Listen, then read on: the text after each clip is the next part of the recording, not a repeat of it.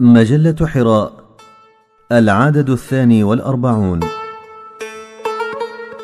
هوجا أفندي السيد الأستاذ أو حين تصوغ التربية نموذجا مجتمعيا بقلم الأستاذ الدكتور سمير بودينار.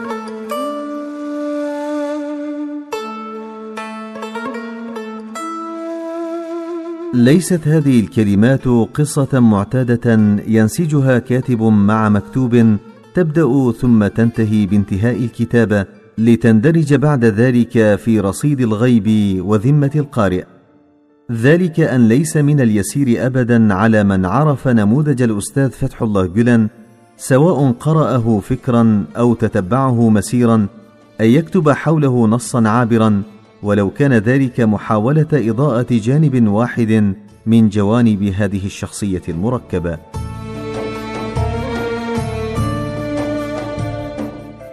لكن لنبدأ قبل المحاولة بالسؤال هل يمكن في الأساس الإحاطة بالمشروع الذي يمثله الرجل ولو في إحدى تجلياته الحق أنه صعب غاية الصعوبة اختصار مشروع الأستاذ فتح الله جلن في مثل هذه السانحة.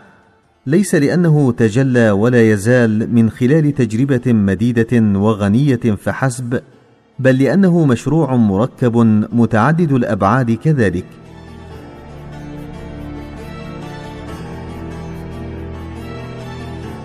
لذلك يحسن الوقوف الموجز عند جانب واحد منه وليكن المسار التربوي في سياق السعي إلى بناء نموذج إنساني مجتمعي خاص.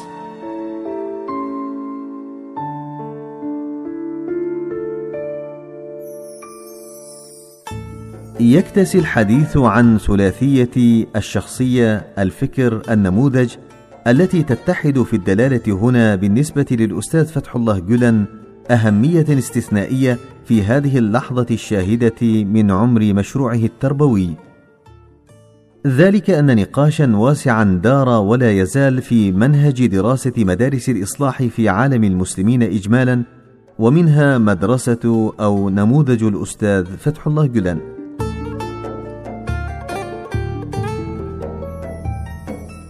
ولكي لا نستعيد نقاشا واسعا ليس هذا مجاله نحاول أن نتعرض لما يسمى بعنصر الامتياز في المشروع أو دراسة النموذج بناء على نقطة جوهرية كامنه فيه قادرة أكثر من غيرها على الإمداد بالمعنى المراد.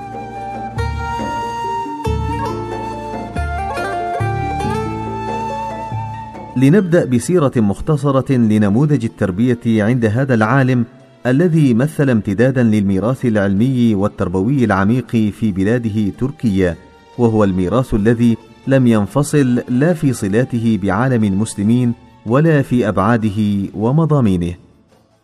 ولعل بعض المحطات في حياته تكون أولى من غيرها للاستدعاء في هذا السياق إذ تجسد معالم في شخصية الأستاذ ومفاتيح في استيعاب نموذجه كما ترجمته جزئيا حتى الآن مسيرته في العمل التربوي والمجتمعي على امتداد خمس وأربعين سنة.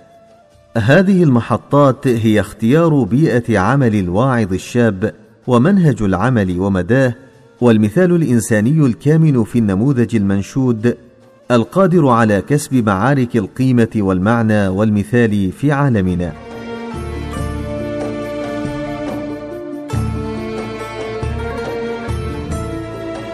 لقب الأستاذ فتح الله جلن عند من عرفه من قومه هو هوجا أفندي.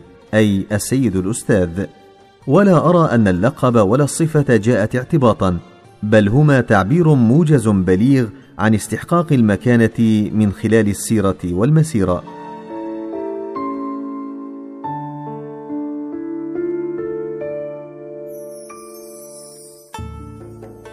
الواعظ الفنان في نحت الصخر.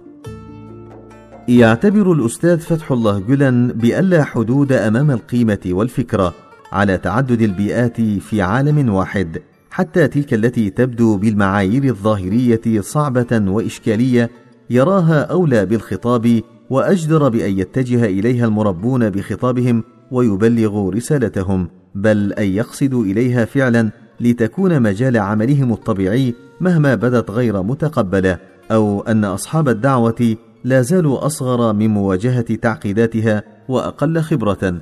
وهذه قيم تستبطن إيمانا قويا بقوة الأسوة لسان الحال كما تجلت من خلال حضورها العملي على امتداد مسيرة تربوية بالغة الغنى. وهنالك مثال حي بليغ يجسد من خلاله الأستاذ هذه المعاني بسلوكه.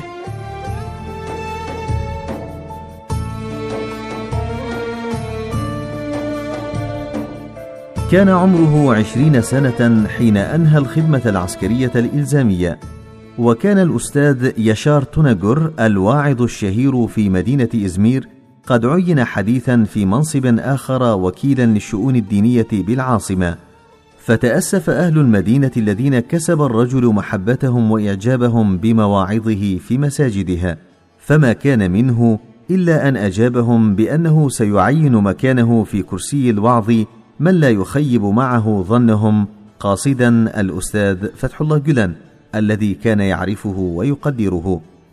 المفاجأة كانت أنه حين فاتح الأستاذ في الأمر طلب منه أن يعينه في مكان لم يخطر للأستاذ يشار على بال. مدينة سمنداغ المشهورة بصعوبة الحالة الدينية فيها وتعقد الوضع الفئوي والطائفي بها.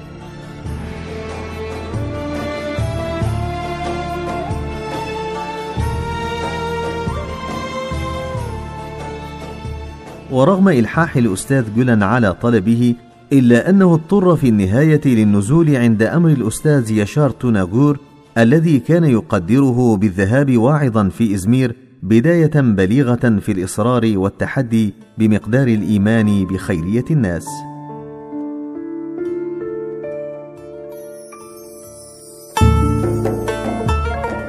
أما تجربة الواعظ فكانت تشجيعا دؤوبا على احتضان النشء وتربيته. هكذا بدأ فتح المبيتات في نهاية الستينيات حيث فتح أول مبيت سنة 1967 بينما فتح أول سكن للطلاب سنة 1970 وما إن عرفت هذه الإقامات بنموذجها التربوي اللافت حتى أخذ المجتمع التركي المبادرة في إنشائها فانتشرت انتشارا كبيرا مع نهاية السبعينيات في مختلف مدن تركيا.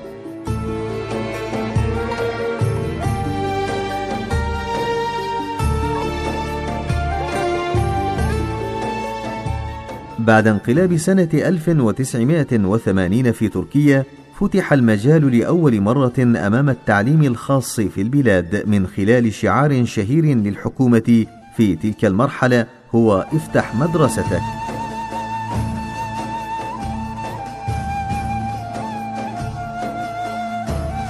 اعتبر الأستاذ هذا الانفتاح فرصة كبيرة فدفع المحبين إلى تأسيس مدارس خاصة وكذلك تم في هذه المرحلة فتح سكن ومدارس للبنات حيث لم يوجد لهن سكن ولا تعليم خاص قبل تلك الفترة.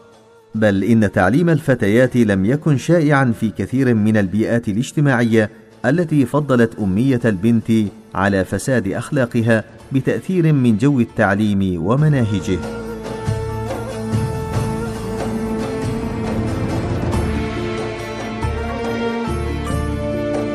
وفي بداية الثمانينات جاءت مدارس التقوية المدارس التحضيرية للجامعة التي ذاع صيتها لاحقا.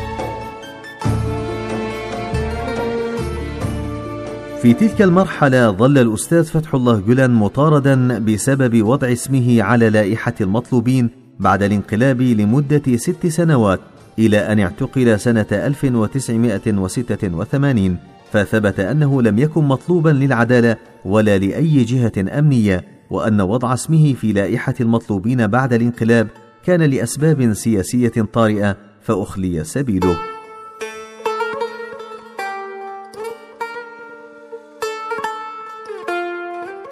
وكان خلال هذه الفترة يتنقل رغم ظروفه لبناء المدارس ويسهر على نجاحها وتأهيل الأساتذة فيها تربويا والحرص على تميزهم في بناء نموذج لمدرسة متميزة وناجحة.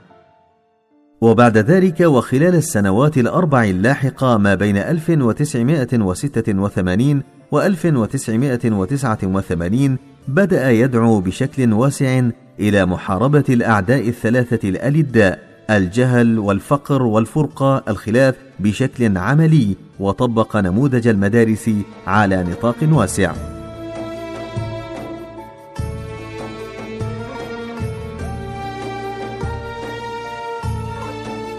خارج تركيا بدأ فتح المدارس في دول أخرى منذ بداية التسعينيات.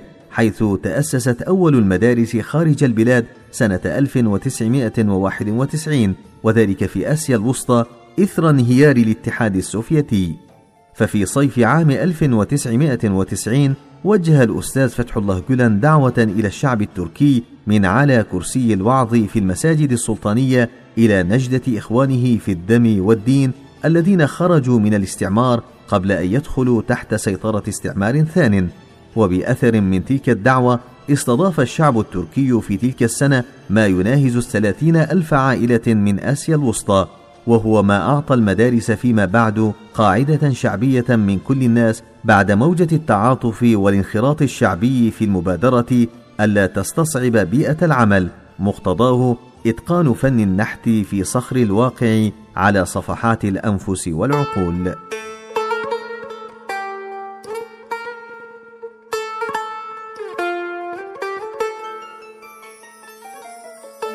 المربي سالك الطريق الأطول والأصعب. في نهاية الستينيات كان الأستاذ الذي بدأ يلتف حوله مجموعة من المتأثرين بخطابه وسلوكه ينظم مخيما تربويا لبضع عشر من الأصدقاء كما لا زال يدعو من تأثر بفكره وانسلك في مشروعه. عندها جاءه واحد ممن أصبحوا بعد ذلك شخصيات عامة مشهورة في تركيا. طالبا إليه أن ينضم إلى مجموعته في مشروعهم السياسي الإسلامي الواعد محدثا عن تأسيسهم حزبا جديدا وعن الانتخابات القريبة التي ستحملهم إلى الحكم مؤكدا أن ذلك كله أولى من حصر جهد رجل محبوب ومؤثر مثله في بضعة عشر طفلا وأهم من هدر طاقة كبيرة في نفع قليل. كان جواب الرجل واضحا وصارما اعتذر بأدب لكنه أكد أن ذلك ليس طريقه وأنه يفضل عملا صبورا وطويلا مع هؤلاء ومن يأتي بعدهم على أي طريق آخر.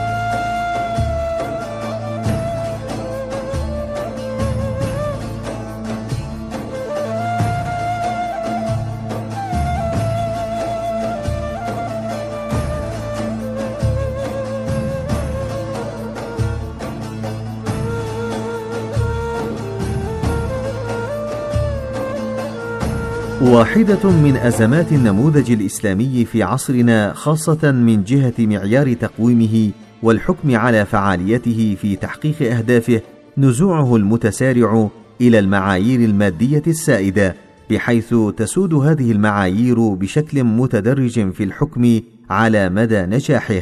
هذه الخاصية وإن كانت تتلبس بالعواطف الجماهيرية إلا أنها تؤدي إلى تآكل حضور النموذج المعرفي القائم على أساس الوحي ومقاصده في الأنفس والآفاق أو الإنسان والعالم تماما كما تعبر عن تسلط النموذج المادي على الوعي حتى لدى فئات من المتدينين بل ممن تحركهم الآمال والعواطف الدينية لتغيير واقعهم.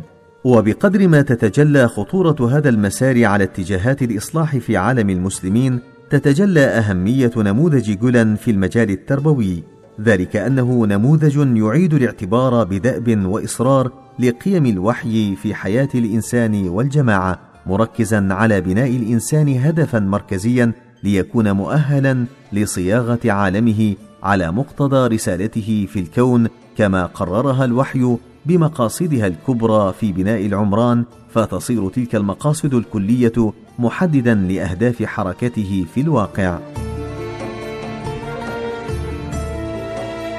لذا نجد أن اهدافا كبرى بسعة العلم مقابلا للجهل والكفاية مقابلا للفقر والحوار والتفاهم مقابلا للفرقة والصراع ظلت اهدافا قارة لهذا النموذج بل هي المؤهلة وحدها كما أكد حديثا لتوجيه مساره في المستقبل المنظور كما يبدو. لأن المقاصد الكلية الحاكمة لها والكامنة في النموذج واضحة ثابتة.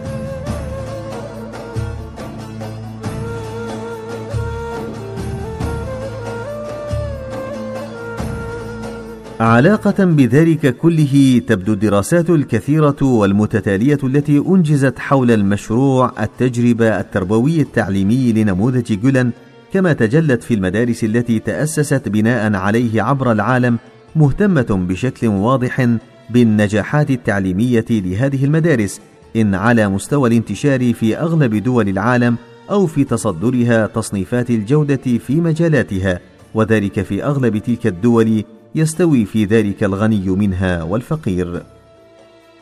إن هذا المقترب في دراسة النموذج التربوي على أهميته التي لا تخفى لا يفسر لوحده قوة النموذج ولا هو جدير ببيان أبعاده الكاملة.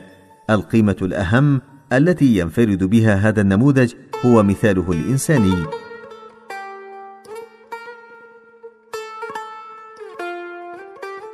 صحيح أنه يشترك مع كثير غيره من نماذج الإصلاح في إنزال النبوة في مقام الاستمداد واعتبار شخصيته صلى الله عليه وسلم المثال الأكمل للاقتداء غير أن هذه المقولات وتلك الدعاوى كثيرا ما تسقط على محك الواقع ومكابداته اخفاقا في مستوى التمثل العام. هذا مكمن الصعوبة في الطريق وتفسير سالكيه لطوله.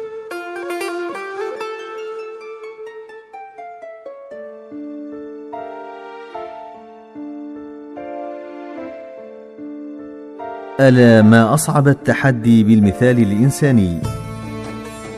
المقصود بالمثال الإنساني هنا هو نوعية العنصر الذي يحرك هذه المنظومة فتعيد إنتاجه على امتداد الأمكنة والبيئات والظروف. المعلمون المهاجرون والمضحون بمصائرهم الشخصية والأسرية والمهنية. الأساتذة المتفانون في رسالتهم حد التماهي. الرجال والنساء الباذلون من أموالهم في تسابق عجيب تشهد عليه مجالس الهمة لبناء هذه المدارس والجامعات والمؤسسات ورعايتها في تركيا وعبر العالم. خريجوها من الطلاب الذين يعيدون إنتاج هذه الدائرة الصالحة من الخدمة والبذل.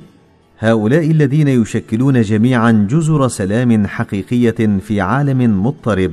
كلهم عنوان صلاحية النموذج ومعيار دقيق في الحكم لا على الأداء التربوي والتعليمي وفعاليته فحسب بل على قوة النموذج الكامن في المنظومة المؤسسية الذي أنتج هذه المدارس وصنع هذه التجربة الإنسانية الحية في عالمنا.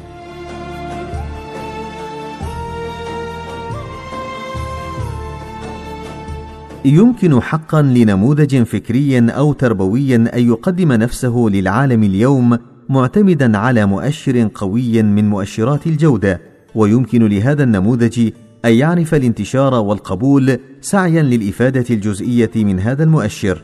وليس صعبا أن نجد أمثلة عديدة على ذلك في زمن الإنتاج والاقتصاد والمعرفة المعولمة لكن الصعب حقا هو أن يكون التحدي بالمثال الإنساني. أن تكون علامتك المسجلة موضع الثقة والفعالية إنسانا مؤهلا تتحدى به ظروفا معقدة في بيئات صعبة عبر العالم واثقا من نجاعة مسلكه القيمي والتربوي وكفاءته في التعامل معها في كل مكان.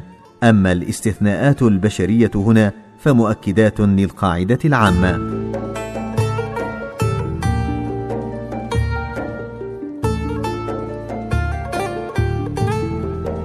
ولعل وضوح الرؤية بالدقة المتناهية في هذا النموذج يتبين في أنك لا تجد فروقا بين تجاربه المختلفة عبر العالم لا في مستوى الأداء ولا فيما يمكن أن يعتريه من الاتجاهات المذهبية أو الفئوية ولا في ثوابت فهمه لقيم الإسلام اليوم والتعامل معها من منظور إنساني رحب. وبهذا يمكن أن تجد من ينتقده بوصفه محافظا في بيئة وأنه متحرر في بيئة أخرى أو أنه نصي في بلاد أو روحاني في بلاد أخرى صارم في منطقة متساهل في منطقة أخرى.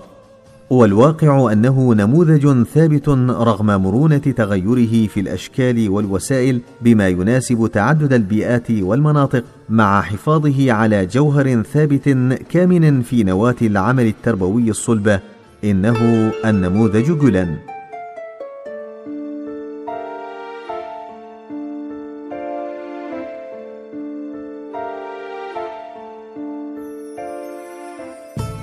وإذا كان لنا أن نعد التغيير الأكبر لنموذج جولان فهو أنه صير تربية الإنسان وتعليمه غاية مجتمعية تتجه إليها طاقات المجتمع كلها لا بوصفها أولوية مجتمعية فحسب بل فريضة شرعية ورسالة حضارية. ثم إن اتخاذ التربية والتعليم مركب القيمة والرسالة والمثال إلى العالم هو الذي أدى إلى تقويض سلطة الجغرافيا على الفكرة وهي كما لا يخفى واحدة من أهم التحديات التي واجهت رسالة الوحي في تاريخنا بل ولا زالت تواجهها إلى اليوم. نحن بإزاء دفقة حضارية تنفتح أمامها عوالم دار الخدمة. عنوانها أنك لكي تثبت وجودك في مكان ما يجب أن تكون في كل مكان. ربما استحق الأستاذ فتح الله جلن أن يكون هجا أفندي عند الأتراك الذين خبروه أولا.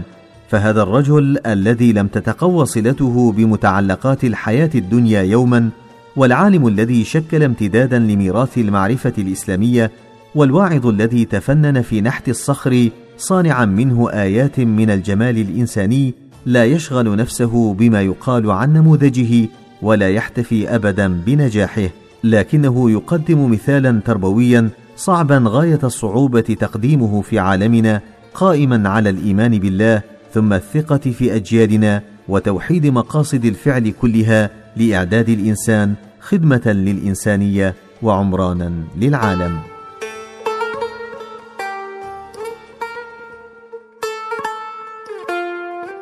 ختاما قال الأعرابي لأهل البصرة من سيدكم؟ قالوا الحسن البصري قال بم سادكم؟